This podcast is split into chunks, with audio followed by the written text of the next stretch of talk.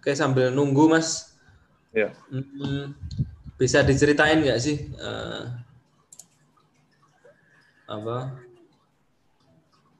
ketika switch dari kuliah ya, kuliah ada eh, S1-nya kan geologi nih, Ya. S2-nya kan beda beda bidang nih saya lihat ya. Sebenarnya sama sih itu. Cuman lebih kayak Science. lebih spesifik aja. Oh gitu ya, oke oke. Iya, jadi kan eh, S1-nya tuh geologi atau geoscience lah ya. Hmm. Nah, geoscience itu kan ada kayak sub majornya gitu atau lebih spesifik. Hal yang lebih spesifik bisa ke geothermal, bisa ke mining, bisa ke groundwater. Nah, saya ambilnya yang ke petroleum gitu. Jadi kayak gampangnya kayak spesialisasi sih. Gitu aja. Oh, oke oke. Lebih Iya. spesifik ya. Iya, makanya dipelajari. namanya kadang-kadang di beberapa kampus tuh ada yang jurusannya namanya petroleum geology gitu. Eh, Ya, jadi kalau kan yang mengurusi pertambangan tuh kan ada juga nih mas, bidang ada juga. geological. Iya. Ya. Teknik geologi Pelajari itu apakah beda? pada dasarnya sama, dasarnya fundamentalnya tetap sama ilmu geologinya. Cuman untuk hal-hal yang lebih advance itu nanti jadi bercabang antara di pertambangan, di geothermal, di petroleum, kayak gitu-gitu. Kalau boleh tahu berapa bidang sih mas dari geologi itu? Dari geologi banyak sih mas. Ada eh, sebenarnya kayak lebih kayak aplikasinya ya, aplikasinya ilmu geologi ya. Banyak sih mas, bisa ke mining. Mining itu juga bisa dibagi lagi jadi eh, coal, coal mining atau eh, gold and copper gitu. Terus ada juga geothermal kan. Habis itu ada groundwater, Oh, ada iya, iya. environmental geology juga. Ada yang eh, geologi untuk konstruksi, pembangunan Hmm. infrastruktur, itu namanya geologi teknik atau ya engineering geology namanya. Jadi itu untuk bangunan kayak gitu-gitu mas. Nah, yang saya ambil Menarik, ini yang menarik. untuk petroleum. Ada yang khusus belajar tentang volcano juga, tentang eh, gempa. Oh, Eh, Ada juga ya? gempa eh, ya ada juga biasanya tuh yang di sana orang-orang yang eh, sekarang berkecimpungnya di BMKG kayak gitu-gitu atau di Yes. badan geologi kalau Hmm. teman-teman saya eh, teman-teman seangkatan saya sih yang saya tahu lumayan banyak juga yang eh, bervariasi gitu ke mana-mana jadi ada yang ditambang batu bara ada yang ditambang di Freeport gitu misalnya atau di Antam untuk cari gold and Hmm. Iya, copper iya, kan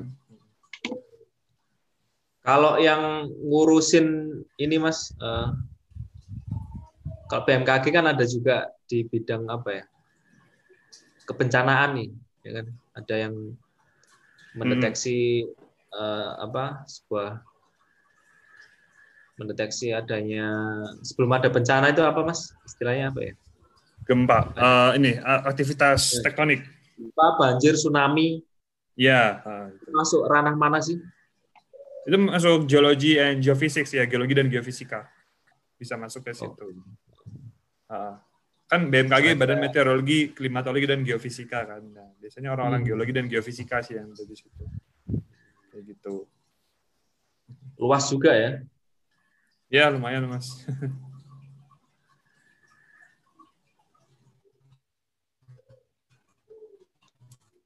Saya bidang saya elektro nih mas jadi Iya. paham betul. Biasanya kalau di Ah. geologi itu kalau di di migas geologi itu perannya lebih ke eksplorasi mas eksplorasi eksplorasi. Jadi kita gampangnya tuh bagian nyari di mana sih minyaknya, kita mau ngebor di mana sih kayak gitu. Di mana sih ada daerah yang berpotensi punya cadangan minyak kayak gitu. Sama kayak di, Hmm. eh, di tambang juga kayak gitu. Baik batu bara atau emas. Kita mencari daerah-daerah yang berpotensi punya cadangan emas, cadangan batu bara yang ekonomis kayak gitu. Terus kita menentukan mau ngebor di mana kayak gitu sih. Lebih ke eksplorasinya. menarik menarik menarik menarik Termasuk panas bumi juga gitu.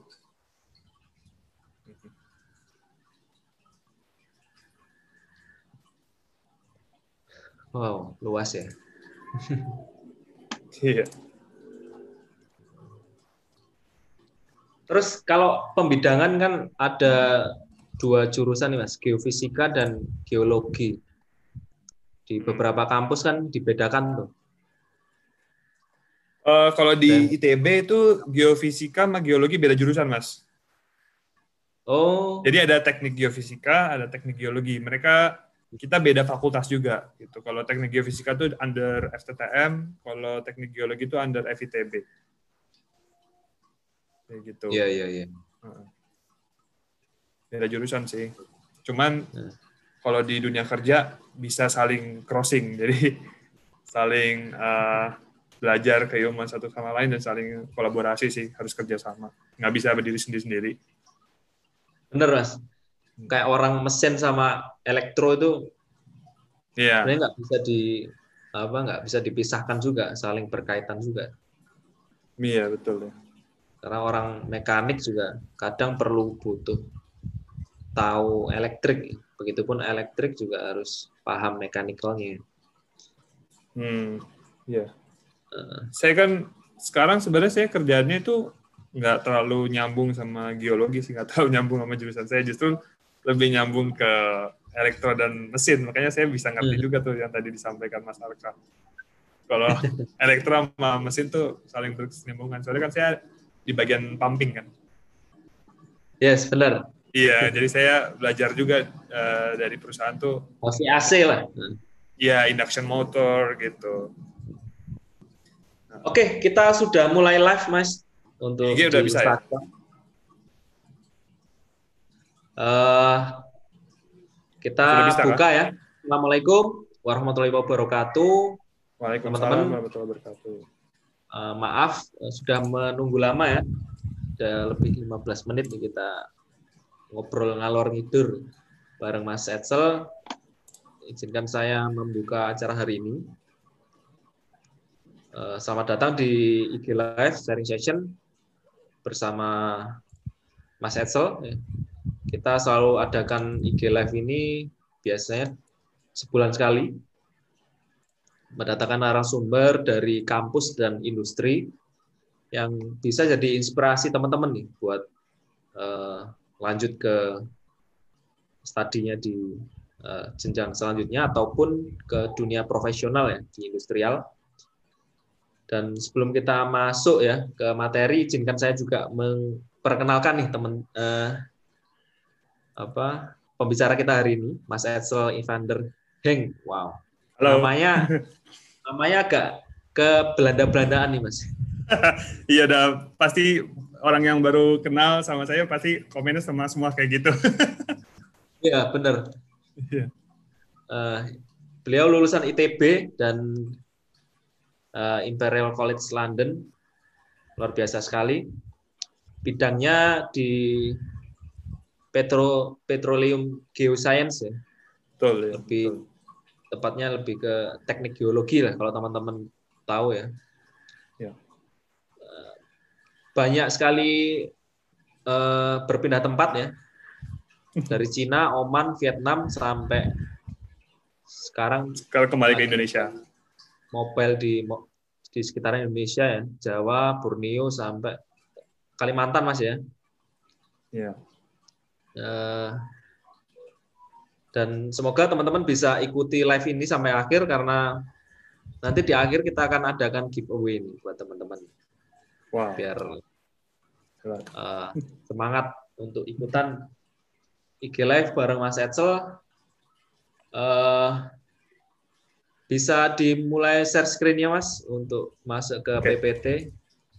Oke. Okay. Karena kita persiapannya belum sampai seminggu nih. Jadi mohon maklum teman-teman kita ngobrol sharing biasa aja ya, nggak jangan dianggap kayak seminar gitu ya. Ya ini lebih ke obrolan santai aja ya sambil kayak Yes, benar. Ngopi malam-malam lah ya. yes. Ya, jadi uh, teman-teman terima kasih lagi nih Mas. Terima kasih atas kesempatannya yang udah dikasih ke saya untuk bisa sharing ke teman-teman soal uh, karir di oil and gas industry ini. Terima kasih khususnya kepada Mas Aka dan teman-teman di Anak Teknik Indonesia semuanya. Nah, kali ini saya mau sharing sedikit tentang pengalaman pribadi dan juga uh, informasi in general mengenai uh, presentasi yang saya beri judul Career in Oil and Gas Industry a brief introduction to work and life in the oil field. Ya langsung aja. Nah, jadi dari presentasi ini saya sudah membuat beberapa agenda presentasi. Nah, yang pertama uh, profile sebenarnya tadi ini udah diceritain nama Mas Arka, jadi mungkin nanti saya akan skip aja. Mungkin cuma sebentar dikit aja, saya bahas lagi dikit. Lalu uh, ada multiple jobs and roles overview.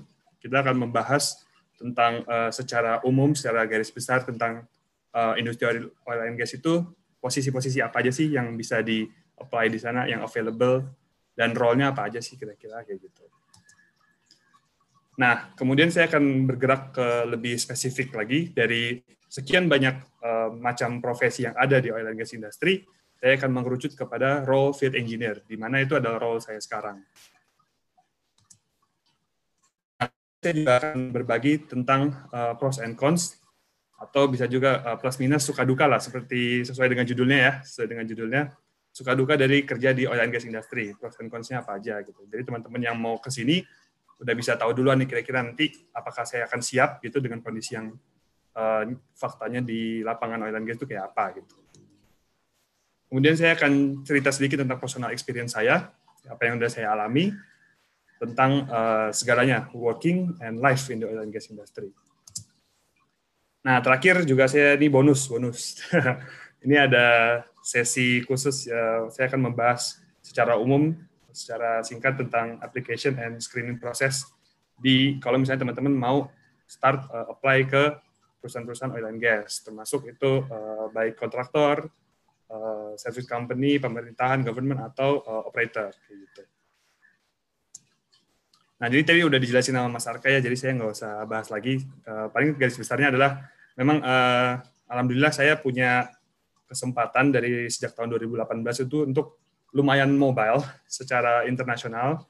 Uh, ini kira-kira kurang lebih satu setengah tahun saya berada di luar Indonesia itu statusnya sebagai field engineer trainee saat itu. Jadi saya uh, saat itu dalam program training, tapi kalau di company saya selama ini program training itu kita juga termasuk hands on, sudah mulai hands on ke pekerjaan real di lapangan begitu. Nah, setelah selesai program training di luar ini, di pindah-pindah sempat pindah ke tiga negara, saya kembali lagi ke Indonesia untuk uh, mengabdi di uh, Indonesia sebagai field engineer di segmen khususnya artificial lift atau yang lebih spesifik lagi saya menangani bagian ESP atau electric submersible pump gitu di Slumberji Indonesia. Jadi kurang lebih saya sekarang ini uh, satu tahun lah, satu tahun uh, udah kembali di Indonesia gitu. Sebelumnya juga waktu kuliah, uh, baik itu di UK atau di Bandung, saya juga sempat mendapatkan kesempatan untuk melakukan beberapa internship di uh, oil and gas uh, company maupun service company seperti Schlumberger, Chevron dan uh, lain hal gitu. Nah ini ada beberapa media saya mungkin jadi kalau misalnya ada teman-teman yang nanti habis dari sesi ini masih ada pertanyaan lebih lanjut bisa kontak saya di uh, LinkedIn, Instagram uh, bebas. Insya Allah saya akan jawab gitu. Dan sebenarnya juga ya, apa yang saya akan bahas di sini ya buat pernah juga buat videonya secara detail itu dan saya taruh di YouTube saya. Mungkin ntar ada yang mau berkunjung untuk melihat lebih detailnya kalau ada yang saya nggak cakup di sini gitu ya. Siap, subscribe. Nah, Jadi promosi mas. Sorry ya numpang. Oke, okay, jadi uh, ini pertama kali kita masuk ke materinya. Pertama ini saya mau uh, di slide ini saya mau nunjukin aja nih secara garis besar tentang various oil and gas career and position. Nah, jadi yang saya mau kasih tahu dari teman-teman di slide ini sebenarnya adalah bahwa oil and gas industry itu adalah industri yang sangat luas, industri yang sangat besar, dan berbagai macam profesi maupun background pendidikan bisa masuk dan bekerja di uh, industri ini gitu. Mulai dari uh, bekerja di lab maupun bekerja di lapangan atau bekerja di kantor. Uh, bidang-bidangnya pun juga macam-macam. Ada yang dari engineer ada yang dari geoscientist which is uh, saya sendiri.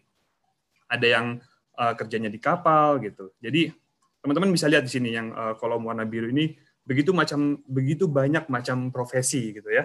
Begitu banyak macam profesi yang bisa di-apply. Nah, jadi um, kalau misalnya ada yang udah lihat IG-nya anak teknik Indo gitu kan di captionnya ada yang uh, tulisannya tidak harus anak teknik perminyakan untuk kerja di perminyakan itu betul banget. Jadi kalian bisa dari profesi apa saja gitu. Nah, cuman yang saya mau bahas spesifik di materi kali ini adalah role yang saya sedang jalani sekarang yaitu role sebagai field engineer. Apa sih role sebagai field engineer itu? Jadi kalau di perusahaan uh, saya, yaitu perusahaannya termasuk dalam bidang service company ya. Jadi perusahaan saya ini termasuk service company itu gampangnya adalah perusahaan kita menyediakan jasa uh, dan produk berupa teknologi, service gitu kepada uh, perusahaan oil and gas company gitu. Nah, jadi operations itu bisa dibaca operation is at the center of our business. So working in the field means working on the front line of our business. Jadi memang core bisnisnya dari eh, orang-orang uh, yang bekerja di perusahaan service company ini adalah, adalah di operation.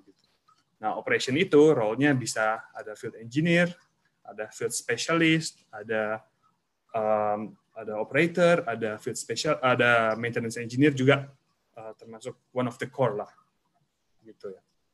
Nah, ini kita akan fokus ke field engineer. Nah, engineer itu ngapain sih? Field engineer itu pertama manage field operations including engineering design and job planning. Nah, jadi seorang field engineer itu dia adalah seseorang yang harus bisa memimpin atau melit kru-nya di lapangan untuk mendeliver teknologi dan jasa dalam kegiatan operasi oil and gas. Ya.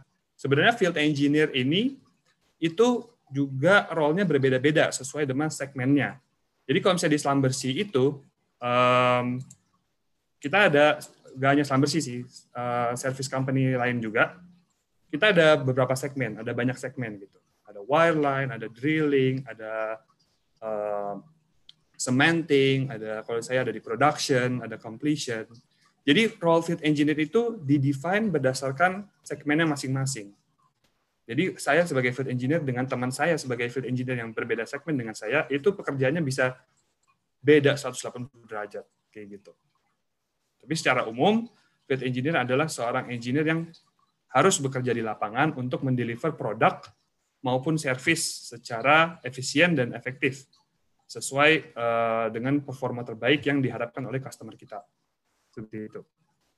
Makanya di sini ada operate equipment and be accountable for team well site performance. Jadi selain dia uh, bekerja sebagai engineer, dia juga harus bisa mengkoordinir krunya di lapangan berfungsi sebagai lead di lapangan gitu. Dan juga field engineer adalah seorang yang harus melakukan atau membuat report, baik itu pre-job report maupun post-job report atau pre-job briefing, post-job briefing kita sebutnya kalau di uh, company gitu ya. Next. Nah, ini saya uh, tadi kan saya bilang kalau field engineer itu role-nya tuh bisa beda-beda tiap segmen, gampangnya kayak gitu. Nah, ini saya kebetulan adalah field engineer di segmen artificial lift. Nah, apa sih artificial lift itu? Nah, artificial lift itu adalah overcoming bottom hole pressure so that a well can produce at some desired rate, either by injecting gas into the producing fluid column to reduce its hydrostatic pressure, or using a downhole pump to provide additional lift pressure downhole. Kelihatannya ini kalimatnya mungkin uh, bagi sebagian orang terdengar complicated gitu ya. Apa sih maksudnya nih? Pakai bahasa Inggris pula gitu. Ya. Gampangnya begini, gampangnya jadi um, kita tahu bahwa uh, oil and gas itu ditemukan di bawah permukaan kan, ditemukan di dalam formasi batuan di bawah tanah sana. Kedalamannya bisa ber uh, ribu-ribu kilometer maupun uh, eh, sorry maksud saya bisa beribu-ribu meter kedalamannya dan uh, kita memproduksi oil and gas itu dari sumur-sumur kan. Dari kita jadi drill. Kita gampang kita bor sumur di suatu lapangan oil and gas. Kalau ketemu minyaknya maka minyaknya itu bisa langsung mengalir dengan sendirinya ke permukaan tanpa kita melakukan uh, intervensi apa pun. Itu kita namakan natural flow gitu ya. Nah kenapa bisa begitu? Karena minyak di bawah sana itu dalam kondisi bertekanan tinggi tapi seiring dengan berjalannya waktu, semakin lama sumur itu diproduksi, maka tekanan uh, dari reservoir akan turun kan, akan turun sampai akhirnya minyak itu tidak bisa lagi atau tidak mampu lagi untuk flowing dengan sendirinya dengan natural dari bawah ke atas permukaan. Tapi bukan berarti kita tidak bisa lagi memproduksi minyak tersebut karena cadangan minyak masih banyak di bawah.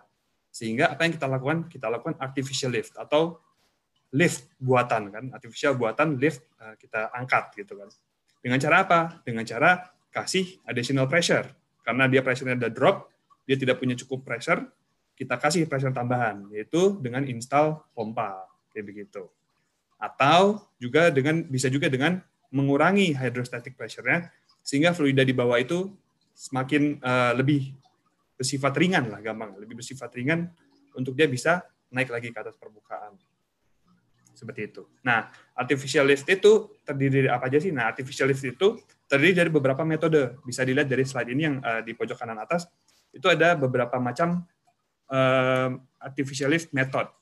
Nah, yang di kiri itu namanya rod lift pumps atau sucker rod pump. Kita nyebutnya SRP. Yang sebelah kanannya itu namanya PCP atau progressive cavity pumps. Nah, sebelah kanannya lagi itu namanya gas lift yang nomor tiga dari kiri Lalu nomor empat dari kiri itu namanya ESP, Electric Submersible Pump. Itu yang merupakan uh, bidang spesifik saya. Kemudian di paling kanannya itu ada yang namanya uh, horizontal pumping system atau HPS kayak gitu.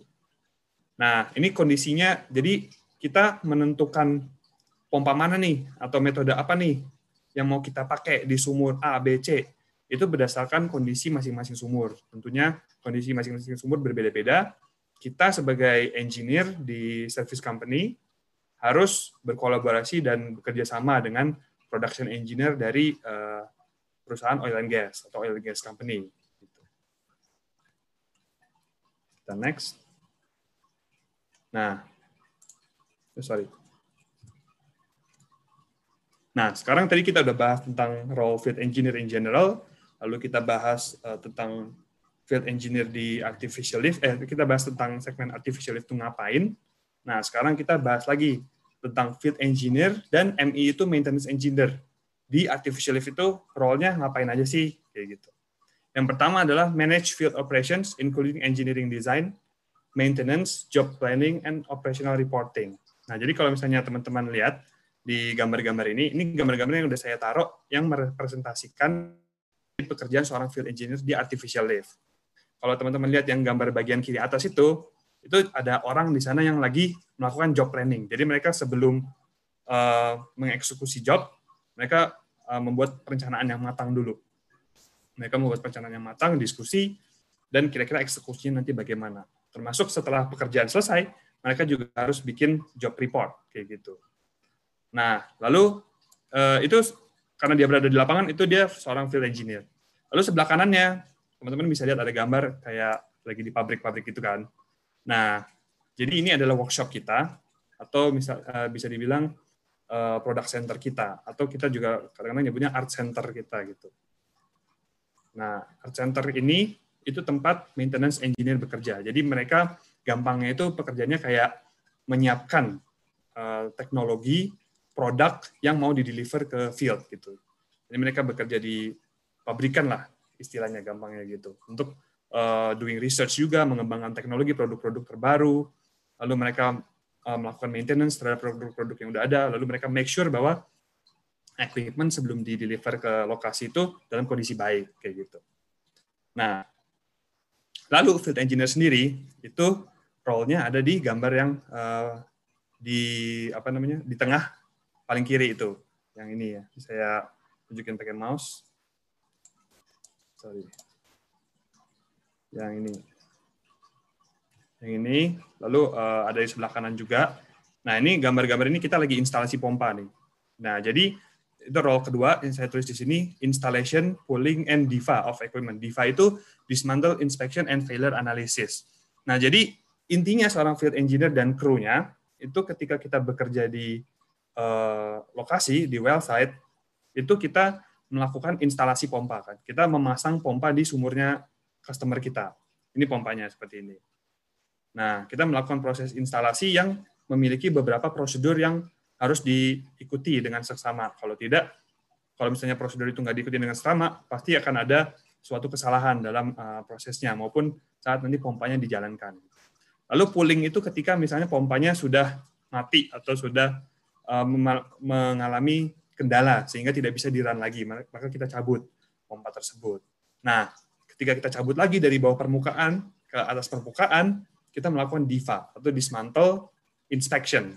Artinya kita mencoba uh, meneliti nih, mencari tahu apa sih yang menyebabkan pompa ini fail misalnya. Apa sih yang menyebabkan uh, saat lagi running tiba-tiba pompa ini mati dan tidak bisa dijalankan lagi. Itu kita harus tahu penyebabnya apa sehingga nanti ke depannya kita tidak akan mengulangi lagi atau bisa kita uh, modif di tekno, secara teknologi menjadi lebih advance kayak gitu. Nah, kemudian yang role ketiga commissioning, monitoring and troubleshooting. Nah, ini adalah role yang dijalankan ketika pompa udah diinstal atau uh, artificial lift method, ESP, SRP dan lain-lain tadi yang saya sebutin pertama uh, sebelumnya itu udah diinstal di bawah permukaan kan. Berikutnya kita commission, kita nyalakan kan. Kita nyalakan, dia running, dia mulai berproduksi minyak kan. Dia mulai berproduksi minyak, lalu di, kita monitoring performance-nya bagaimana gitu. Melalui surface equipment yang ada di sini. Itu. Ini ada surface controller, kita bisa mengontrol berapa uh, frekuensi kecepatan maupun settingan lain-lainnya yang mau kita mau gitu kan. Lalu kita juga harus melakukan troubleshooting sebagai field engineer. Kita harus bisa troubleshooting kalau ada masalah uh, terhadap uh, performance dari pompa kita maupun performance dari equipment di permukaan kita. Kita harus mampu memberikan solusi dan menyelesaikan masalahnya. Gitu. Nah, uh, manage planning for equipment and maintenance resources ini lebih ke maintenance engineer yaitu engineer-engineer yang ber, yang bekerja di art center Art Center itu assembly, rebuild, and technology gitu ya. Jadi eh, gampangnya pabrik lah, seperti di pabrik kita, di product center kita gitu. Nah, field engineer apakah akan selalu menjadi field engineer? Apakah itu adalah karir yang permanen gitu? Enggak juga, bisa tergantung um, tergantung uh, apa namanya pilihan tiap-tiap orang gitu. Tapi pada umumnya field engineer kalau di uh, service company khususnya di Slumbersea itu nggak harus selamanya uh, di field, tapi bisa juga nanti pada suatu waktu tertentu akan menjadi role-nya berganti menjadi Design and Technical Engineer atau yang disingkat DTE di sini. Nah, jadi Design and Technical Engineer itu dia gampangnya role-nya itu mendesain pompa sesuai kebutuhan sumur, sesuai karakteristik sumur seperti apa. Karena kayak yang saya jelasin sebelum tadi, tiap-tiap sumur punya karakteristik dan uh, sifat yang berbeda-beda. Sehingga pompa yang mau kita install juga pastinya bukan pompa yang sama antara sumur A, B, dan C. Harus sesuai dengan karakteristik sumur. Oleh itu, oleh karena itu dibutuhkan role dari design and technical engineer. Dia yang menganalisa data sumur lalu memberikan suggestion atau desain kepada customer pompa apa yang harus dipasang, tipe apa gitu. Nah, terus ada juga surveillance engineer. Nah, surveillance engineer itu adalah engineer yang uh, main role-nya itu adalah melakukan uh, monitoring, monitoring secara online terutama ya terhadap sumur-sumur yang beroperasi di suatu daerah. Lalu bisa juga ke sales engineer, bisa juga ke sales engineer. Jadi kita uh, lebih kepada doing selling of the equipment, selling of the plumbercy product gitu ya. Nah ini seperti gambar yang sebelah kanan ini. Itu ini sedang melakukan deal untuk uh, Eh, misalnya ada kontrak atau tender gitu kan seperti itu lalu bisa juga menjadi instruktur nah instruktur ini dia adalah orang yang berkiprah di uh, training facility atau uh, schoolnya perusahaan gitu ya, jadi orang-orang ini orang-orang yang bekerja sebagai field engineer uh, design and technical engineer software engineer semuanya ini adalah orang-orang yang qualified certified dan sudah di training nah siapa yang mentraining yang training itu adalah apa namanya tentunya orang-orang yang sangat qualified untuk memberikan pendidikan tersebut yaitu adalah instructor. Gitu. Lalu setelah dari sana untuk karir ke depannya lagi seorang field engineer juga bisa meneruskan karir sebagai uh, ke jenjang manajemen gitu ya. Bisa ke PhD manager. PhD ini singkatan dari Product and Service Delivery Manager. Nah, Product and Service Delivery artinya uh, manager yang tugasnya adalah main role-nya adalah memanage uh, produk delivery dan service dari engineer uh, atau tenaga jasa kita gitu di lapangan di lokasi atau bisa menjadi sales lead lalu TLM ini teknologi life cycle management. Jadi TLM ini tuh uh, ini pabrik ini. Uh, gampangnya tadi yang saya bilang istilahnya pabrikan ini. Itu TLM jadi dia ber, bertanggung jawab terhadap perkembangan teknologi dan persiapan equipment sebelum dideliver ke lapangan. Waktu udah mau dideliver ke lapangan instalasi dan di commissioning itu tanggung jawabnya PSD manager. Saat uh, dia apa namanya? Saat dia sebelum uh, menang kontrak saat masih mencari uh, siapa nih bayarnya atau siapa yang mau uh, ngerent pompa kita itu tugasnya sales lead, memimpin tim salesnya. Lalu uh, field engineer juga nggak harus loh berkecimpung di dunia teknikal selamanya. Bisa juga kalau di Slumberjee itu field engineer akhirnya nanti setelah beberapa tahun mau berkecimpung sebagai HR juga bisa. Mau berkecimpung sebagai training manager kayak yang tadi saya jelasin soal instructor itu bisa juga kayak gitu. Nah, itu tadi role tentang field engineer di artificial lift ya. Uh, kayaknya udah saya bahas uh, cukup panjang, tapi nanti kalau misalnya ada pertanyaan lagi boleh tanyain aja. Sekarang ini hal yang salah satu hal yang paling menarik nih di presentasi ini yaitu pros and cons. Itu uh, sesuai dengan judul tema kita kali ini adalah suka duka kerja di oil and gas. Nah, pros and cons ini saya bagi menjadi uh, ada 10 tipe, ada 10 kategori ya, 5 pros, 5 cons. Yang pertama, explore various work areas. Nah, jadi eh, teman-teman, kalau misalnya teman-teman kerja di oil and gas industry, salah satu keuntungannya adalah teman-teman bisa dalam tanda kutip jalan-jalan gratis gitu ya, karena bisa melihat pemandangan uh, daerah, ke, pergi ke daerah-daerah yang teman-teman mungkin belum uh, pernah ke daerah situ, karena daerah operation oil and gas itu luas banget, seperti gambar di empat foto di bawah ini, itu mulai dari tengah laut atau kita nyebutnya offshore, atau di onshore eh, di tengah hutan. Ini yang biasanya ada di Indonesia ya. Sampai ke daerah dingin daerah sekitar Arktik kutub utara seperti Norway Rusia Kanada gitu. Bisa lihat gambarnya tuh. Ada dikelilingi es. Lalu daerah-daerah timur tengah di mana environment itu gurun pasir gitu. Nah kebetulan saya pribadi saya udah pernah ngalamin tiga nih dari empat ini. Tinggal yang ice yang saya belum. Nah nanti teman-teman kalau mau berkecimpung di oil and gas industry salah satu keuntungannya itu. Kalian bisa uh, merasakan berbagai macam tipe environment yang berbeda-beda. Lalu meet people from around the world. Jadi ketika uh, oil and gas industry itu orang-orang yang bekerja di sini termasuk orang-orang yang high mobility teman-teman.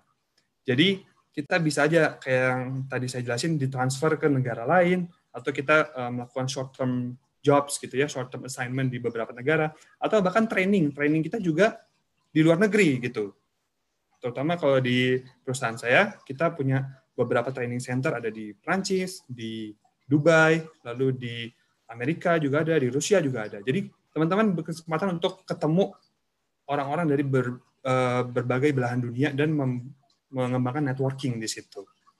Nah, terus uh, world class training kayak yang tadi saya sebutin. Jadi training kita itu nggak um, cuma di Indonesia aja, tapi training kita ada di luar negeri juga di beberapa training center. Nah, jadi dan standarnya itu standar training kami itu uh, sama di seluruh dunia. Jadi nggak beda gitu, nggak beda antara negara yang satu atau negara yang lain. Jadi kita punya uh, istilahnya pendidikan yang sama lah dengan engineer di luar negeri gitu.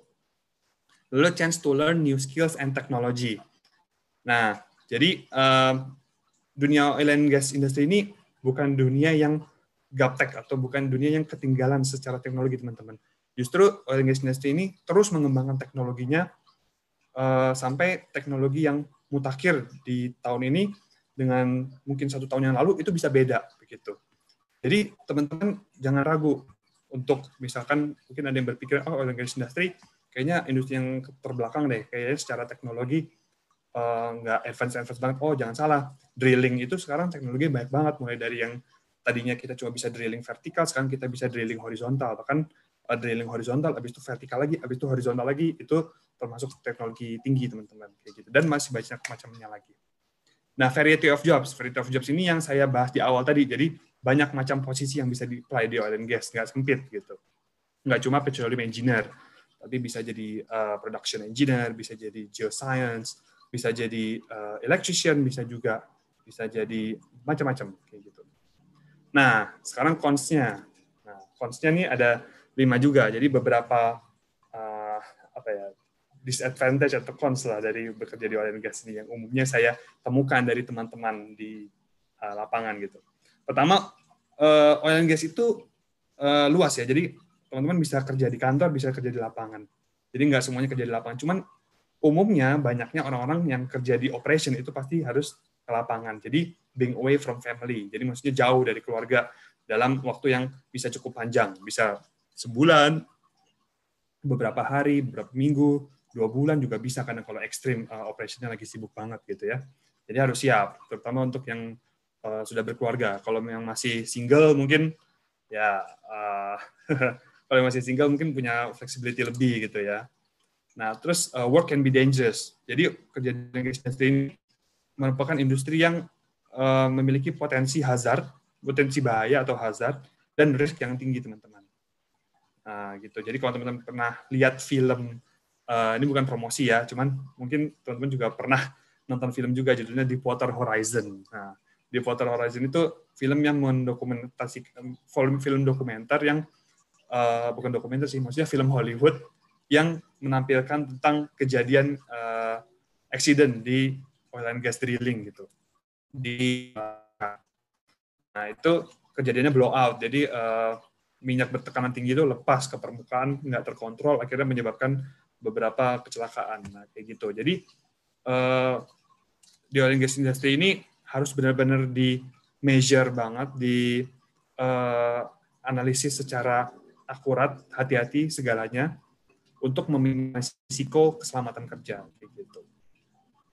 Uh, kemudian work under pressure. Ini terutama work under pressure untuk uh, bisa untuk daerah operation ya, untuk daerah operation. Maksud saya kayak gini. Jadi uh, di oper di operation uh, locationnya uh, drilling atau workover macam-macam itu biasanya bukan biasanya hampir selalu kita uh, kerja itu diburu-buru waktu kayak gitu.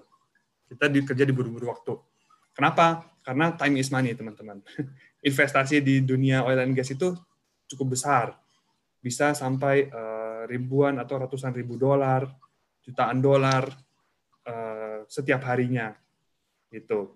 Jadi pekerjaan itu sangat sensitif terhadap waktu. Kita dituntut untuk menyelesaikan pekerjaan secara cepat dan tepat serta selamat kayak gitu ya. Nah, jadi di situ under pressure-nya. Karena ketika ada downtime misalnya ada tidak ada ada waktu yang tidak produktif, kita nyebutnya NPT non productive time, itu uang yang kerugi eh, yang uang yang eh, terbuang gitu ya, kerugian yang dialami bisa sangat besar nominalnya kawan-kawan gitu. Jadi kita harus uh, sigap lah. Kemudian living in remote areas. Nah ini maksudnya uh, tentunya daerah-daerah operasi kayak yang ada di foto-foto ini itu bukan daerah-daerah yang uh, dekat dengan mall, bukan daerah yang dekat mungkin dekat dengan hiburan atau uh, banyak uh, fasilitas lah di sekitarnya. Tapi ini ada daerah-daerah terpencil, remote yang mungkin susah sinyal, bisa jadi uh, susah air juga bisa atau bisa jadi uh, apa namanya ada binatang buas dan lain-lain. Kayak gitu. Tergantung lingkungannya masing-masing. Jadi teman-teman harus siap kalau mau masuk ke dunia oil and gas nih untuk mau uh, tinggal dan kerja dalam waktu jangka waktu yang cukup lama gitu di daerah-daerah tersebut. Kemudian hours and schedule ini yang saya bilang. Umumnya biasanya kalau untuk orang-orang operation itu uh, kita punya kayak roster, jadi jadwalnya berapa hari on, berapa hari off kayak gitu. Kalau saya pribadi uh, dan kawan-kawan saya misalkan punya jadwal on tuh 20 hari, 20 hari on, lalu 10 hari off kayak gitu. Nah, jadi tapi realitanya apalagi sekarang lagi pandemi nih, apalagi sekarang lagi pandemi, realitanya kadang-kadang teman-teman harus rela kalau waktu on-nya lebih dari yang ditetapkan sebelumnya. Misalnya lebih dari 20 hari bisa sebulan atau waktu off-nya uh, lebih dikit jadinya kan. Jadi waktu untuk ketemu keluarga di rumah lebih sedikit harus naik lagi. Itu uh, beberapa sacrifice yang harus teman-teman bikin. Tapi jangan salah, kadang-kadang ini sebenarnya pas saya lagi bikin ini saya juga agak bingung nih mau naruh hours and schedule ini di pros atau di cons. Karena kadang-kadang hours and schedule ini bisa jadi pros. Gimana ceritanya? Misalkan ya, misalkan contohnya kita lihat dari segi enak nggak enaknya aja. Dari segi enak nggak enaknya itu hours and schedule ini bisa bikin kalian punya liburan yang panjang, teman-teman. Gitu. Jadi kadang-kadang uh, operation bisa sangat sibuk sehingga kalian harus lama di field, tapi kadang-kadang operation bisa sangat sepi sehingga kalian bisa libur lebih lama dari orang-orang yang kerja di kantor. Kayak gitu. Jadi tergantung operation uh, di aktualnya di lokasi itu seperti apa. Kayak gitu, teman-teman. Nah, ini kita sekarang masuk ke uh, sesi personal experience saya. Saya mau cerita dikit nih tentang apa yang udah saya alami. Jadi teman-teman bisa lebih confident, lebih percaya kalau apa yang saya omong itu ada benarnya gitu ya. Karena saya udah ngalamin langsung gitu. Nah, ini yang pertama, uh, ini saya waktu itu sekolah di UK gitu. Sekolah di UK di uh, Imperial College London mengambil jurusan Petroleum Geoscience. Ini uh, saya foto saya bersama dengan uh, beberapa teman setim saya saat itu kita habis melakukan grup project kayak ada project bergrup itu yang harus dipresentasikan dan dilombakan gitu. Nah, ini uh, field trip ya, field trip waktu di Spain, Spanyol. Kenapa saya nunjukin foto ini, teman-teman? Maksudnya saya menunjukin foto dan slide ini adalah saya mau bilang kalau oil and gas industry itu juga dunia yang relate banget sama education gitu. Jadi dunia yang uh, dekat dengan uh, education di tempat-tempat yang uh, nggak cuma di Indonesia aja, tapi di luar negeri banyak kampus-kampus yang uh, mempelajari atau punya research di bidang oil and gas itu cukup mutakhir dan advance gitu. Nah, jadi saat saya lagi sekolah perminyakan di sini, itu saya berkesempatan untuk tadi yang kayak saya bilang meet meet people from uh, every part in the world gitu, hampir hampir every part in the world. Lalu saya berkesempatan juga untuk melihat-lihat uh, culture dan environment yang berbeda-beda di tiap negara, karena saya mempelajari oil and gas gitu. Jadi nggak cuma di dunia kerjanya aja, tapi di dunia pendidikannya juga itu kita juga bisa mulai traveling dari situ dan melihat dunia. Nah, ini yang saya bilang tadi kalau di Slumberjee itu kita ada beberapa uh, training center.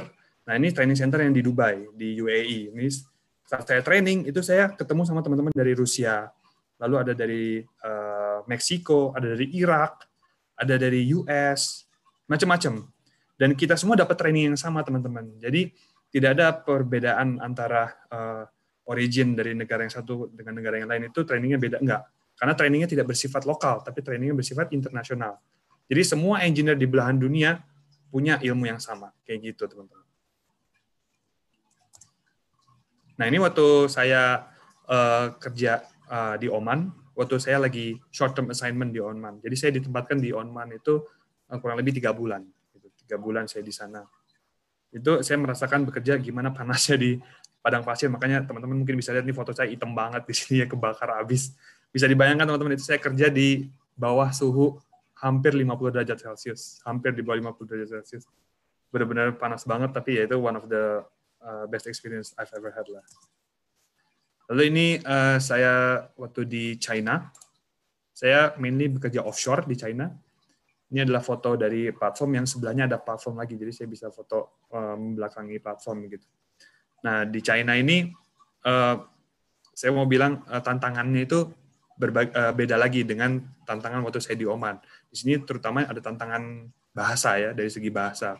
Jadi tidak semua orang bisa bahasa Inggris ya, sehingga kita harus mampu berkomunikasi dalam bahasa mereka walaupun tersendat-sendat, tapi kita harus bisa ngerti gimana pun caranya gitu ya. Saya nggak bisa bahasa Mandarin, cuman maksudnya saya waktu itu belajar dikit-dikit dan saya sempat bisa uh, basic-basic knowledge-nya lah seberapa beberapa gitu sehingga saya lumayan ngerti ketika mereka ngomong suatu hal gitu. Tapi kalau dibilang fluent nggak nggak fluent fluent banget juga. Nah itu waktu di China termasuk juga uh, dari segi hidup ya kayak makanan, lingkungan, pergaulan dengan orang-orangnya itu juga beda-beda. Nah ini waktu saya di uh, Vietnam waktu itu di China ini saya satu setengah tahun. Nah jadi selama satu setengah, satu setengah tahun itu saya nggak cuma di China. Jadi saya waktu itu pernah ditempatin di Oman tiga bulan, lalu di Vietnam juga tiga bulan gitu dalam rentang waktu satu setengah tahun. Itu maksudnya. Nah, eh, kenapa tadi saya bilang diverse environment, meet people around the world? Karena itu nyata teman-teman. Saya udah ngerasain di Vietnam ini saya kerja dengan orang-orang dari uh, Southeast Asia, mainly dari South Asia, Asia semua negara bersatu di situ untuk uh, menjalankan operasi supaya bisa sukses berjalan lancar. Tujuannya sama gitu. Ini teman-teman saya dari Myanmar, dari Indonesia juga ada. Saya di sana nggak sendirian. Kalau ada dari Vietnam itu sendiri, dari Thailand, ada dari Malaysia nih sebenarnya cuman dia nggak ikut foto di sini. Ada dari Filipina dan Romania. Ini ada satu orang dari Romania dari Europe gitu ya, yang uh, ahlinya diundang ke situ. Lalu terakhir. Nah, terakhir ini saya uh, akhirnya saya alhamdulillah berkesempatan untuk kembali ke negara saya lagi untuk uh, uh, mengabdi lah, mengabdi kepada produksi migas dalam negeri karena saya berada di segmen production kan. Jadi saya uh, alhamdulillah berkecimpung langsung, turun tangan langsung terhadap uh, produksi migas Indonesia gitu. Nah, jadi saya mengabdi di negara uh, saya sendiri sejak tahun 2020 awal karena uh, jadi sebenarnya untuk kasusnya saya untuk kasus saya pribadi itu memang programnya seperti itu gitu. Jadi memang programnya saya pertama-tama itu di dalam masa training. Jadi kita saya pertama-tama pas baru join company ini saya uh, dalam masa training fit engineer training itu saya sengaja dibuang keluar, istilahnya saya dibuang keluar untuk mendapatkan pengalaman dan ilmu sebanyak-banyaknya, meresap ilmu sebanyak-banyaknya dari negara-negara yang sudah uh, punya, maksud saya negara yang punya tantangan berbeda-beda gitu, tantangan di dunia di uh, lokasinya berbeda-beda uh, dari segi equipment, teknologi dan segi tadi uh, environment, working environmentnya. Jadi harapannya ketika tahun 2020 awal saya dibalikin ke Indonesia, saya bisa menerapkan ilmu-ilmu itu dan saya bisa sharing juga ke teman-teman saya, rekan-rekan kerja saya di Indonesia apa yang sudah saya dapat di luar. Kayak gitu. Jadi emang itu part of the training program. Jadi sebenarnya saya keluar-keluar itu ke China, ke Vietnam, ke Oman itu dalam rangka training. Sebenarnya intinya begitu. Cuman trainingnya nggak hanya training classroom, nggak hanya training di uh, workshop, tapi langsung hands on ke uh, daerah operasi, ke lokasi pekerjaan gitu. Nah ini uh, nggak kasa uh, setelah saya ngomong panjang lebar, akhirnya kita sampai di sesi terakhir nih. Kayaknya dari slide saya, ini adalah sesi tentang application and screening process. Jadi saya sengaja taruh ini untuk kasih tahu teman-teman gambaran secara umum kalau tentang uh, proses rekrutmen ya, tentang proses rekrutmen atau tentang proses aplikasi dan uh, screening session. Kalau atau seleksi lah, gampangnya Eh, bahasa gampang seleksi kalau kalian mau daftar ke and gas company. Uh, perlu diketahui bahwa um, setiap perusahaan tentunya punya metode yang berbeda-beda untuk aplikasinya. Pasti nggak sama antara satu perusahaan dan yang lain. Cuma nih saya ambil gambaran secara umum yang saya dapat kurang lebih versi paling lengkapnya segini. Ada yang pertama itu administration, yang kedua English test, lalu aptitude, kemudian ada FGD atau focus group discussion, ada interview dan MC terakhir itu MCU dan offering. Nah perlu digarisbawahi pada bahwa pada setiap perusahaan mungkin beda-beda. Jadi misalnya ada yang nggak ada English, ada yang nggak ada aptitude atau misalnya cuma ada TPA gitu. Ada yang langsung interview juga ada. Ada yang nggak ada FGD atau urutannya mungkin berbeda-beda. Ada yang FGD dulu baru English test kayak gitu-gitu. Cuman gambaran umumnya seperti ini. Jadi administration itu ya eh, kita aplikasi dokumen secara online, misalkan yang tanya CV, transkrip, ijazah, dan lain-lain kayak gitu ya. Kalau kita sudah memenuhi kriteria minimal yang dibutuhkan untuk kita daftar, pasti kita akan dipanggil via email untuk mengikuti tes. Nah, lalu English test ini seperti apa? English test itu bisa jadi seperti uh, short interview, short interview untuk melihat kemampuan komunikasi bahasa Inggris kita. Atau bisa juga di beberapa perusahaan lain ada yang modelnya writing atau uh, jawaban multiple choice gitu untuk melatih untuk melihat kemampuan uh, grammar English kita kayak gitu atau writing skills kayak gitu.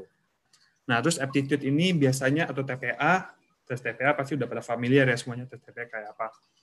Nah, kalau aptitude itu uh, bentuknya bisa jadi seperti basic engineering test gitu ya, basic engineering knowledge seperti matematika dasar, fisika dasar, uh, kimia kadang-kadang tapi biasanya enggak kalau untuk engineer ya matematika dasar, fisika dasar, fisika itu ntar dibagi lagi jadi ada fisika mekanik, fisika listrik, dan ada bahasa Inggrisnya juga kadang. Oh ya, dan tesnya itu semua dijalankan dengan bahasa Inggris, terutama untuk di terutama ada, uh, kalau kalian daftar di multinational company ya kayak Schlumberger, itu pasti tesnya dari dalam bahasa Inggris. Nah, FGD juga gitu, fokus group discussion, di mana nanti kalian akan di grup-grup dibagi uh, dalam beberapa grup untuk mendiskusikan tentang topik tertentu maupun tentang isu-isu uh, bisa tentang topik-topik tertentu seputar engineering, seputar oil and gas maupun topik uh, in general juga bisa. Oke gitu. Lalu interview ini biasanya ada dua, ada HR interview atau recruiter interview. Kemudian kalau lolos baru user interview. Jadi user interview itu lebih kepada uh, interviewernya itu uh, bisa jadi calon manajer kamu, calon bos kamu nanti ketika kamu udah mau masuk segmen tertentu kayak gitu. Jadi pasti pertanyaannya akan banyak teknikal dan spesifik di segmen yang kamu daftar. Kadang-kadang di perusahaan lain juga ada ini eh, BOD, Board of Director interview kayak gitu-gitu. Jadi beda-beda ada yang dua interview, ada yang tiga, ada yang cuma satu juga ada kadang. gitu. Jadi user sama HR-nya bareng gitu ada kadang ada juga. Terakhir baru kalian akan medical check up untuk uh, screening akhir kalian sehat atau enggak karena kerja di oil and gas itu eh, selain otak yang dipakai juga harus punya kemampuan fisik. Maksudnya kesehatan badan eh, kualitas fisik yang prima teman-teman gitu. Karena pekerjaan kita nggak cuma di belakang komputer di meja kerja gitu tapi kita harus hands on ke lapangan yang tentunya kita akan berkeringat kita akan panas-panas kita akan angkat-angkat kita akan jalan kaki gitu banyak gerak lah. Jadi kita secara fisik harus harus kuat nggak boleh ada penyakit yang uh, krusial gitu yang akan menghambat uh, diri kita dan membahayakan nyawa kita nah sebenarnya ini baru saya kasih gambaran secara umum. Secara detail, saya sebenarnya udah bahas di YouTube saya juga. Nah, ini sore ini sekalian promosi lagi nih. saya, siap, siap, siap, Mas. Iya, jadi saya membahas ini secara detail, benar-benar dari detail kayak apa sih uh, perintilan-perintilannya itu di channel YouTube saya mungkin bisa ditengok sendiri. Judulnya tips masuk Slambergy. Emang saya uh, khusus membahas soal Slambergy gitu ya. Tapi mungkin kalian bisa uh, serap ilmu ini uh, nanti gitu ya. Kalau pertanyaan lebih lanjut atau uh, kalian interested lebih dalam tentang Slambergy bisa tengok lah. Itu saja kayaknya dari saya. Thank you. Terima kasih banyak. Siap, terima kasih banyak Mas Esel. Daging banget ya materinya kita jadi paham secara detail ya pekerjaan dari field engineer di oil and gas. Walaupun satu jam tapi padat banget. Terima kasih mas. Terus uh, ada beberapa pertanyaan juga yang ini saya stop uh, share atau gimana mas? Uh, boleh boleh. Boleh stop share. Atau ini aja standby aja nggak apa-apa mas. Oh udah keburu. Uh, dari beberapa ini ya beberapa tahapan rekrutmen ya yang terutama hmm. terakhir itu yang lumayan banyak juga ya tahapannya. Dan mau ini mau konfirmasi mas yang bisa ikut eh, ke industri ini jurusan apa aja sih mas? Tadi di slide yang keberapa tadi yang saya lihat ya? Slide awal tadi ada beberapa penjelasan juga ya jurusan-jurusan Eh, teknik yang bisa bergabung ya di selam bersih. Ini ya mungkin ya. Nah ini. Oke, ini teman-teman jurusan teknik kimia ya, teknik kimia, hmm. civil and structure engineer, civil engineer Banyak lah. sih. Hmm. Teknik listrik, hampir semua ya Hampir semua, hampir, hampir semua. semua jurusan teknik sebenarnya bisa loh untuk bergabung di oil and gas. Iya, betul. Nah. Karena gini Mas, jadi yang mau saya tekanin adalah ketika nanti kita udah masuk company-nya, itu kita semua akan di training lagi dari awal tentang uh, scope pekerjaan, company profile. Jadi mhm. kita semua tuh pada dasarnya mau dari background engineering apa pun, ketika kita masuk, kita mulai dari nol lagi gitu. Mungkin ada beberapa yang misalkan dari jurusan yang lebih related ke segmennya yang didaftar, mungkin dia udah punya bekal duluan gitu. Cuman pada dasarnya orang yang benar-benar dari background yang nggak related sama sekali, itu akhirnya bisa kok ngerjain pekerjaan dan tahu harus ngapain ketika di uh, lokasi gitu, ketika di operation area. Karena kita udah di training de dengan training yang sertifikasinya itu jelas kayak gitu. Yes, benar. Jelas kayak gitu-gitu. Ya karena basic knowledge kita di kampus juga nggak sepenuhnya sama mas ya apa yang dibutuhkan di site gitu ya. Betul. Di, saya dari background geologi juga. Iya saya saya dari background geologi harusnya sebenarnya kalau mau yang lebih related ke background pendidikan saya itu saya masuk ke yang segmen ini geoscience. Ada geologis okay, geofisika cuman sekarang saya kerjanya sebagai field engineer which is lebih kepada yang uh, ini engineers dari kolom engineers. Mm -hmm. gitu. Uh, atau di yes. kolom uh, operation. Ya. Saya lebih ke operation, which is itu realitanya kerjanya di lapangan. Sekarang oh, hampir jauh banget berbeda sama geoscience gitu. Cuman alhamdulillah saya tetap bisa perform the job karena saya udah dapat proper training sebelumnya kayak gitu. Hmm. Oke, okay. jadi memang fasilitas training dari perusahaan tuh juga perlu kita dalami lagi lah. Karena Betul, perusahaan ya. juga nggak sepenuhnya percaya ya dengan apa yang sudah kita dapat Betul. di kampus. Uh, karena skop pekerjaannya juga cukup berat ya. Karena di kampus juga nggak se, uh, seluruh kampus juga punya apa praktikum yang sama ya mungkin dengan di, yeah, ada yeah. di lapangan. Oh ya Mas, ini ada beberapa pertanyaan dari Iya, teman-teman. silakan. Hmm, tanya aja. Singkat saja. Di industri oil and gas kerjanya kan di lapangan. Apakah ada wanita nih yang kerja di sana? Dari Jasmine Joanna. Oke, jawabannya banyak banget, banyak banget wanita. Banyak ya? Meskipun eh, meskipun presentasinya sekarang masih lebih banyak laki-laki sih daripada wanita. Hmm. Cuman Hmm. eh, kalau mau mau lihat secara keseluruhan ya, misalnya mau lihat Slamberzi nih, eh, field engineers-nya, secara keseluruhan field engineer Slamberzi, ceweknya banyak apa enggak? Banyak. Eh, banyak bisa saya katakan banyak. Justru eh, tapi mungkin kalau misalnya dilihat per segmen atau per lokasi kelihatannya dikit gitu, karena misalnya di lokasi itu cuma kayak satu dua cewek biasanya tapi di sisa di lokasi lain tuh ada lagi gitu kan di lokasi lainnya. Bisa jadi lokasi lainnya lebih banyak lagi ceweknya tapi yang di lokasi yang ininya satu ini kayaknya kurang gitu. Sehingga kelihatannya kelihatannya mungkin orang-orang sering lihatnya secara umum oh kayaknya banyak cowoknya nggak ada ceweknya. Padahal aslinya tuh banyak kalau kita lihat secara Banyak ya? Hmm. Dan emang kalau Slumbersi sendiri sih eh, kita eh, dalam rangka untuk membalance, ngebalance komposisi antara perempuan dan laki-laki. Karena tidak dapat dimungkiri bahwa eh, role perempuan sebagai engineers itu terutama di field itu sangat-sangat penting. Itu kita sangat-sangat terbantu dengan adanya perempuan di situ untuk eh, apa namanya menyelesaikan masalah, untuk mengkondisikan segala hal di situ. Seperti itu. Yes. Oke, semoga tren dari industri ini juga ke, 5 sampai 10 tahun ke depan makin banyak wanita juga ya. Amin, amin, amin. Di Kita, kita dalam rangka, kita juga. dalam arah ke sana kok. Hmm, yes. Kalau startup sekarang kan juga trennya udah mulai meningkat nih. Teman-teman eh, engineer wanita yang apa kerja di teknologi. Kita atau butuh banyak wanita. gas. Kita butuh. Yes. Ada lagi pertanyaan dari Al Ghifari. Eh, untuk latar belakang D3, seberapa besar kemungkinan dapat bekerja di oil and gas? Kalau Mas D3 Axel kan dari S2 nih.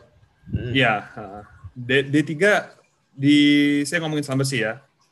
Hmm. Eh, D3 di Slambesi sangat luas. Dan saya percaya di tempat lain juga luas kok. Ada gitu. Ya, banyak. Eh, terutama kalau di Slumbersi sendiri. Jadi ini kan role yang saya tadi jelaskan role field engineer. Di Slumbersi itu ada role namanya field specialist.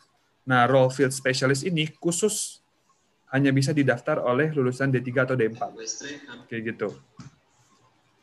Oke, Nah, oke. jadi field specialist ini role-nya sebenarnya ketika sama-sama di field itu role-nya hampir sama kayak field engineer. Cuman bedanya nanti field engineer itu uh, set- setelah beberapa tahun atau ya setelah beberapa tahun lah di field dia akan pindah ke office untuk melakukan desain, design engineering kayak yang tadi saya jelasin atau melakukan sales, sales engineering. Sedangkan field specialist dia akan uh, fokus menjadi expert di field atau jenjang karirnya nanti setelah beberapa tahun akan menjadi field supervisor. Dia akan pindah ke office juga, tapi kebanyakan menjadi field supervisor atau bisa juga menjadi PSD manager. PSD manager itu yang saya tulis di bawah ini, Product and Service Delivery Manager.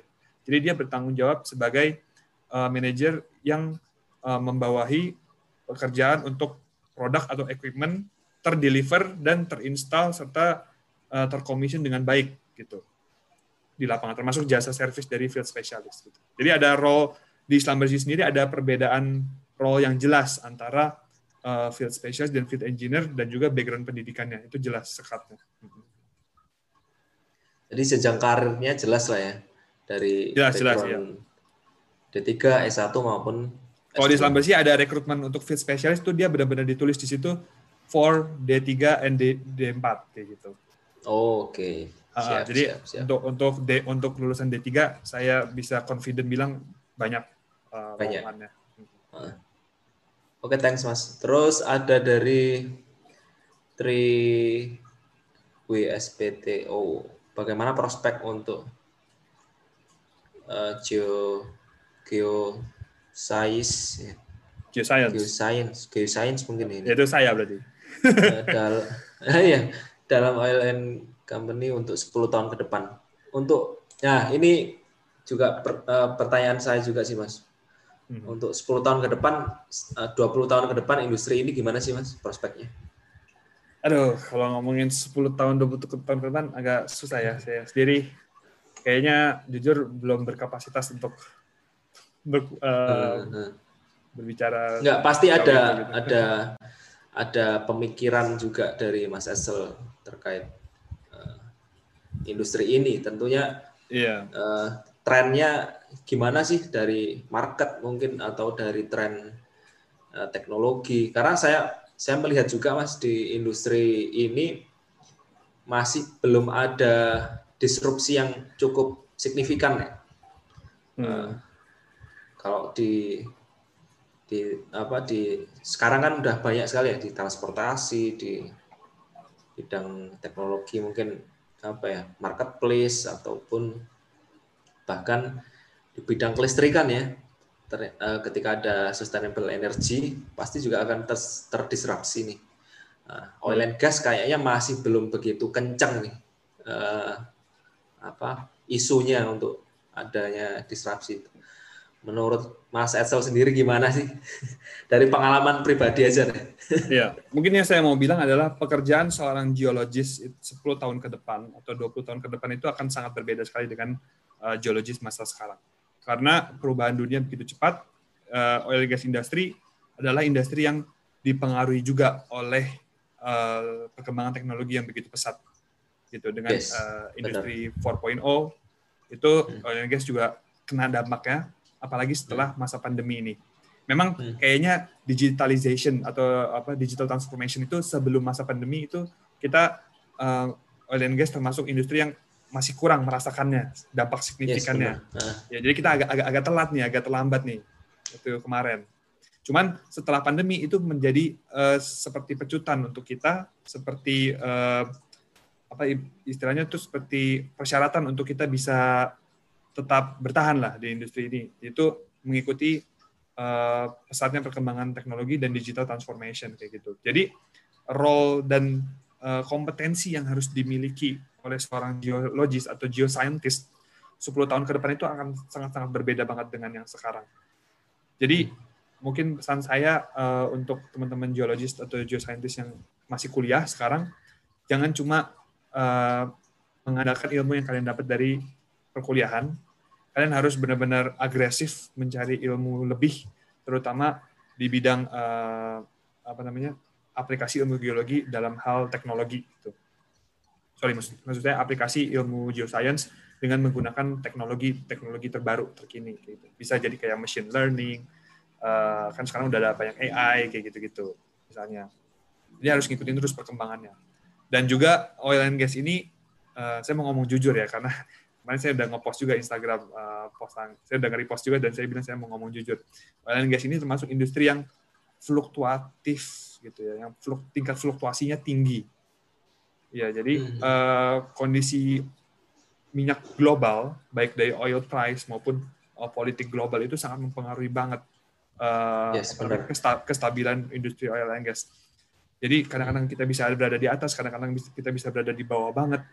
Jadi uh, dan itu akan men, me, apa namanya mempengaruhi job security kan. Akan mempengaruhi job security setiap orang di oil and gas industry apa pun role-nya.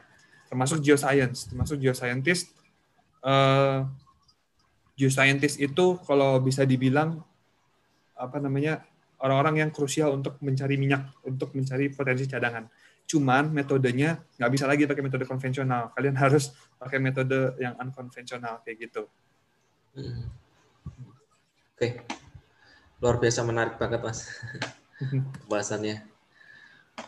Jadi eh, uh, 10 tahun ke depan bisa kita simpulkan uh, ada perbedaan mas ya. Kita harus tetap struggle untuk bisa mengikuti uh, perkembangan zaman lah ya, khususnya di era industri 4.0 ya atau transformasi digital seperti sekarang ini gitu. Yeah kalau kita mau bertahan terus di industri ini, mau kita mau membuat industri ini menjadi sustainable, kita harus mampu beradaptasi, beradaptasi kita harus mampu berubah. Yes, benar, benar. Nah. Uh, dari Ari Mukti Wibowo, adakah orang Indonesia yang posisinya manajerial di foreign? Dan apakah managerial position hanya diisi orang lokal? Misal orang Qatar untuk semua posisi strategis di Qatar. Maksudnya gimana ya? Uh, pertanyaan uh, yang awal tadi mungkin mas ya. Kalau orang mungkin, Indo gimana sih uh, struktur jabatannya posisinya Maksudnya mungkin pertanyaan ada orang Indo yang sekarang di luar jadi manajer kayak gitu mungkin. Ah, ya kayak gitu mungkin ya pertanyaan. Ada, jawabannya ada. Ada ya. Oh, ya ada, ada, ada banyak. oh keren berarti ya. Kita iya. juga berarti termasuk apa ya kompeten juga ya dibanding negara betul, lain betul. mungkin ya. Betul betul.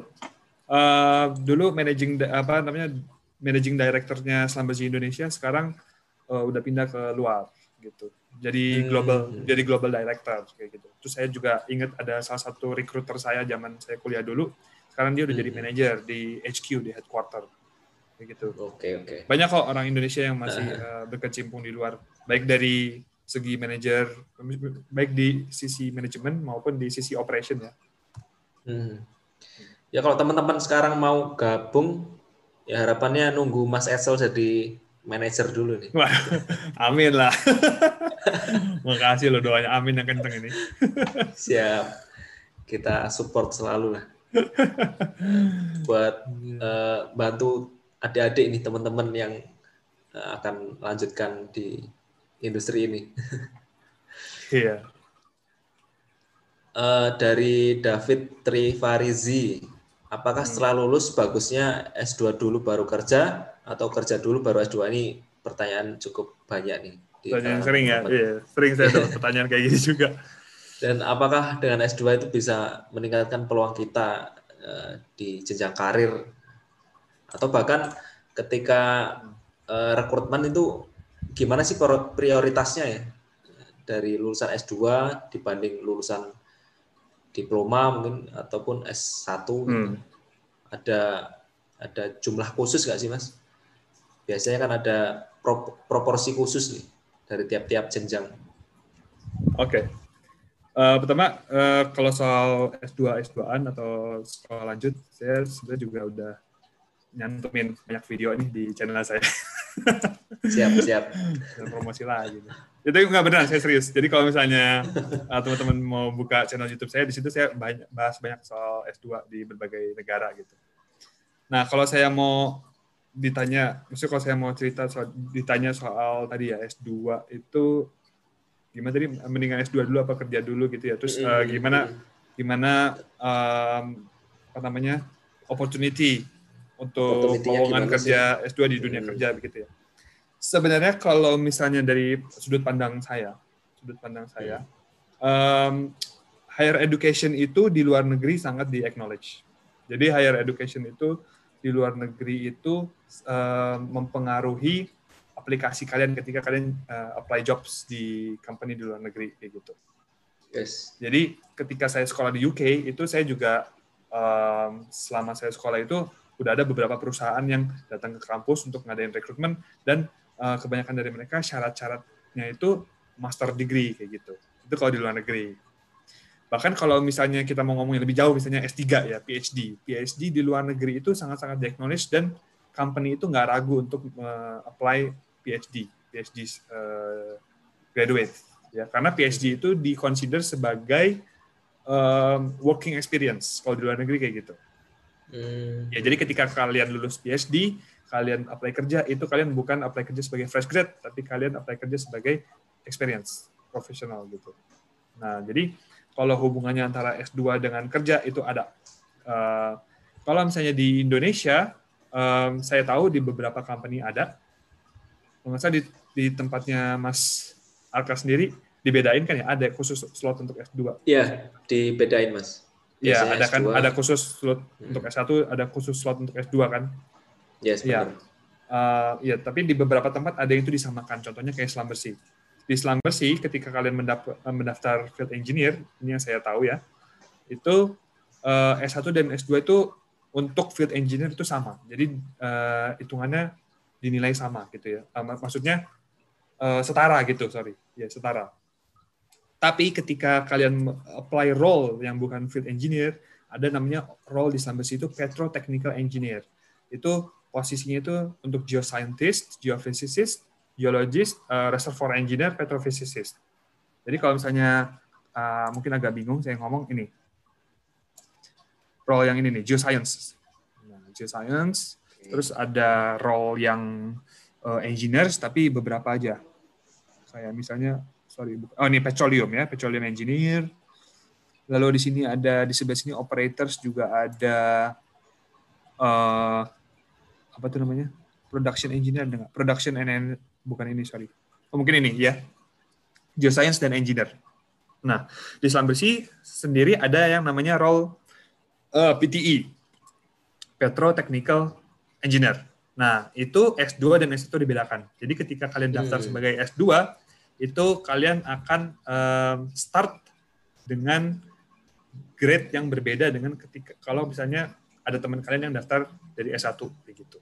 Cuman kalau untuk role field engineer, untuk operation itu sama. Yang beda itu antara uh, D3 dan D4 serta S1 dan S2 kayak gitu. Jadi bedanya di situ. Hmm. Uh, jadi tergantung role-nya yang didaftar kayak apa. Yang pasti untuk uh, perusahaan skala internasional seperti Salam Bersih, tingkat pendidikan juga sangat di apa ya di, dilihat lah ya Mas ya. Iya, karena sebenarnya gini kalau kita daftar field engineer itu mau S1 mau S2 nggak peduli karena uh, role pekerjaannya itu uh, bisa dikerjakan oleh S1 kayak gitu. Hmm. Jadi misalnya role pekerjaannya itu sama dan tidak uh, require untuk uh, maksudnya tidak ada requirement untuk pembedaan antara uh, aplikan dari S2 dan S1. Cuman untuk beberapa role tertentu seperti geoscience dan petrotechnical engineer itu role S2 dan S1 tuh bisa jadi beda bisa bisa menimbulkan perbedaan yang cukup signifikan. Begitu. Okay, Jadi memang okay. sudah diperhitungkan secara matang mana role yang disamakan antara S1 dan S2 opportunity-nya, mana yang dibedakan kayak gitu. Okay. Gitu sih. Kalau ditanya soal mau sekolah dulu atau kerja dulu, itu kembali ke masing-masing orang sih kalau saya jawabnya. Iya. Uh, masing-masing punya prioritas lah. Betul betul. Itu um, agak susah jawabnya kalau nggak bisa digeneralisir sih kalau menurut saya ya. Yes benar. Iya bisa bisa jadi kamu dapat opportunity kalau saya ya kalau saya ditanya saya diminta rekomendasi kalau misalnya teman-teman dapat opportunity untuk sekolah lagi, dapat apalagi dengan beasiswa dan ke luar negeri, ya take it, just take it uh, without second thinking gitu menurut saya. Tapi kalau yes, misalnya kalian juga dapat uh, kalian dapat pekerjaan duluan gitu, misalnya di zaman yang uh, kalian lebih mudah dapat pekerjaan daripada sekolah lagi, ya take it juga aja gitu menurut saya. Uh, every opportunity you you can just uh, you have to be ready. I mean, ya kayak gitu. Mm-hmm karena peluang tiap masing-masing orang tuh beda mas ya dari iya. kesiapan masing-masing kalau, juga gimana kalau saya sendiri kalau saya sendiri itu saya sebenarnya S2 waktu itu ada trigger dari uh, kondisi eksternal juga karena waktu itu okay. oil, oil and gas uh, oil price waktu itu lagi drop pertama kali hmm. ya kan tahun 2015 nah saat itu hmm. jujur aja uh, jobs di oil and gas industry lagi berkurang banget Mm-hmm. Malah uh, beberapa uh, apa namanya maksudnya pembukaan untuk fresh graduate waktu itu lagi sangat sedikit, hampir nggak ada waktu itu. Tapi kebetulan saya punya opportunity untuk sekolah di luar itu. Kebetulan ada lembaga pemberi beasiswa yang lagi uh, booming kayak gitu kan. Mm-hmm. Nah, okay. yaudah saya ambil kesempatan itu. Tapi kan itu kondisi pribadi saya ditabrakin nama waktu itu kan tahun itu. Beda, mungkin beda lagi dengan tahun yang sekarang atau beberapa tahun ke depan untuk adik-adik yang sekarang lagi kuliah gitu. Jadi saran saya, siap, siap. every opportunity just take it nanti. Iya benar, benar. Uh, berarti ada ini ya, ada motivasi dari lama juga ya untuk ingin berkarir di industri ini mas ya? Atau ketika ya. itu gimana? Saya ya, lihat jadi motivasinya kalau, memang udah lama nih. Betul betul. Jadi kalau saya lihat dari CV saya ini kan uh, pas saya masih kuliah itu saya internship di perusahaan oil and gas company oh, juga kan. Oh iya iya iya. Ya, ya, sedangkan sebenarnya kayak yang tadi saya di awal cerita ke Mas Arka itu geologi itu sebenarnya bidangnya banyak luas gitu bisa ke tambang, bisa ke groundwater. Hmm. Tapi saya lebih pilih ke petroleum karena emang saya udah passionate di situ. Gitu. Yes, benar. Kayak gitu. Nah, jadi ketika saya lulus, lalu saya lihat uh, apa namanya jobs di oil and gas ini lagi sedikit banget, lagi nggak bisa saya masukin industrinya, ya saya lebih milih untuk mengasah kemampuan saya lagi di bidang keilmuan petroleum itu sendiri sambil menunggu yes, ketika uh, waktunya kesempatan itu ada di masa depan saya udah lebih siap kayak gitu sih waktu itu saya hmm. pikirnya. Oke, okay. uh, eh, menarik banget nih pembahasan kita kali ini dan kayak pertanyaan dari teman-teman kita stop dulu ya karena Banyak kita ya, harus ya. akhiri nih. Kita harus akhiri uh, sesi sharing hari ini. Sorry banget Mas, waktunya terbatas banget. Gak apa-apa. apa-apa. Ya, Nggak, eh, semoga kalau, kita kalau bisa ke saya, ada... kalau ke saya jangan sorry yang ke ini penanya-penanyanya gimana tuh nggak bisa kejawab pertanyaannya. bener, kalau saya bener. sih ngikut aja. ke audience gimana? Karena uh, ada waktu berapa menit lagi nih ya, Puji? Tiga menit. Tadi jam. Mungkin tadi presentasinya oh, kelamaan ya, sorry ya. Bentar ini Puji, nunggu Puji. Gimana? Mau lanjut teman-teman? Teman-teman di Instagram ramai sekali nih saya lihat. Kalau mau lanjut kita ini sih kita tambah lagi nih 15 menit. Aja. Kita bisa tambah 15 menit lagi. Oke, bisa. Mungkin saya jawabnya bisa lebih singkat sih. Oke, okay, kebagian semua. Hmm. Uh, saya lihat tadi untuk jurusan mekatronik uh, bisa nggak mas untuk masuk? Ada pertanyaan dari Riga Pratama, mekatronik. Uh, pastinya bisa ya. Uh. Pastinya bisa. Uh, eh, FYI aja, saya di artificialist ini itu jurusannya tuh ada dari elektro, dari mesin, dari petroleum engineer, dari dan saya geologi gitu. Ada ada teman saya lagi satu lagi geophysics gitu. Hmm dan um, ada juga yang environmental engineer dulu gitu. Jadi intinya sebenarnya yang mau saya bilang uh, jurusan apa pun any engineering background ya, karena kita ngomongin soal field engineer. Tentunya kalau bukan engineer belum bisa gitu, harus engineer gitu, teknik ya. Jadi okay. all engineering major pada dasarnya ketika mengapply ke Slumbersea itu akan di training lagi dari awal. Nah ini untuk trainingnya mas, apakah tiap bidang itu masing-masing dari basic knowledge-nya atau disamakan semua? Betul. Uh, oh, ada yang sama, ada yang beda. Jadi oh, training itu kebagi dari dua, jadi dua sesi lah. Kebagi dua sesi. Yang pertama itu general tentang Slumbersea. Itu uh, tentang slam, kita bahas tentang Slumbersea, tentang oil and gas industry in general. Jadi skopnya luas secara global gitu, oil and gas industry. Lalu tentang exploration and production of oil and gas in uh, in general juga, itu semua segmen sama bahasanya. Jadi ibaratnya kalau di TBB itu, eh kalau di ITB itu, buat yang mungkin uh, ada yang nonton anak ITB nih, ada kayak TPB-nya hmm. gitu, ada kayak TPB-nya gitu guys. Gitu. Nah jadi tahap persiapan bersama ya? gitu kan. Iya kayak tahap hmm. persiapan bersama itu kan semua jurusan, semua fakultas belajarnya sama. Nah ini kalau di Islam Bersih juga gitu, jadi ada satu sesi training yang semua segmen tuh belajarnya sama tentang oil and gas industry of review in general gitu. Proses bisnisnya gimana gitu. Ya, betul kayak gitu. Setelah dari situ baru kita dapat training yang spesifik ke segmen kita masing-masing kayak gitu. Yes, benar. Masuk segmen. Jadi okay. semua uh, pada dasarnya dapat ilmu knowledge yang sama gitu. Apa pun backgroundnya, asal kamu dapat training itu dan kamu bisa dan harus lulus ya, trainingnya harus lulus syaratnya itu. Jadi ntar setiap training itu ada uh, tesnya gitu. Kalau kalian lulus dapat sertifikat, ya artinya kalian eligible untuk uh, do the do the job gitu execute the job on the field mm-hmm. itu sih itu tadi pertanyaan dari Adnan ya untuk ini bagus nih pertanyaan dari Fatur Miftahudin uh, ketika harga minyak sempat bernilai minus ya tahun lalu mas gimana dampaknya yeah. di service company dan gimana sih caranya company khususnya salam bersih ya mengatasi hal tersebut Oke. Okay. Kemarin. Ya, dampaknya gitu, dampaknya pasti kerasa banget ya. Dampaknya pasti kerasa hmm. banget. Dan um, itu merupakan one of the toughest uh, one of the toughest year in our history gitu. Tapi uh, resilience itu menjadi kunci lah. Ya. resilience itu menjadi kunci untuk kita bisa bertahan di situasi yang tidak menentu dan uh, situasi salah satu situasi terberat sepanjang uh, perjalanan oil and gas industry gitu. Tentunya yang kita lakukan adalah uh, apa namanya perubahan uh, kerja kita, our way of working itu kita harus kita ubah semuanya efisiensi, uh, efektivitas kayak gitu-gitu. Dan tentunya uh, deliver the best performance we can and minimizing mistakes during the job. Itu karena itu sangat berpengaruh. Kayak tadi saya bilang, jadi uh, in and gas industry itu time is very critical because uh, oil and gas industry ini adalah industri yang investmentnya dalam jumlah besar gitu.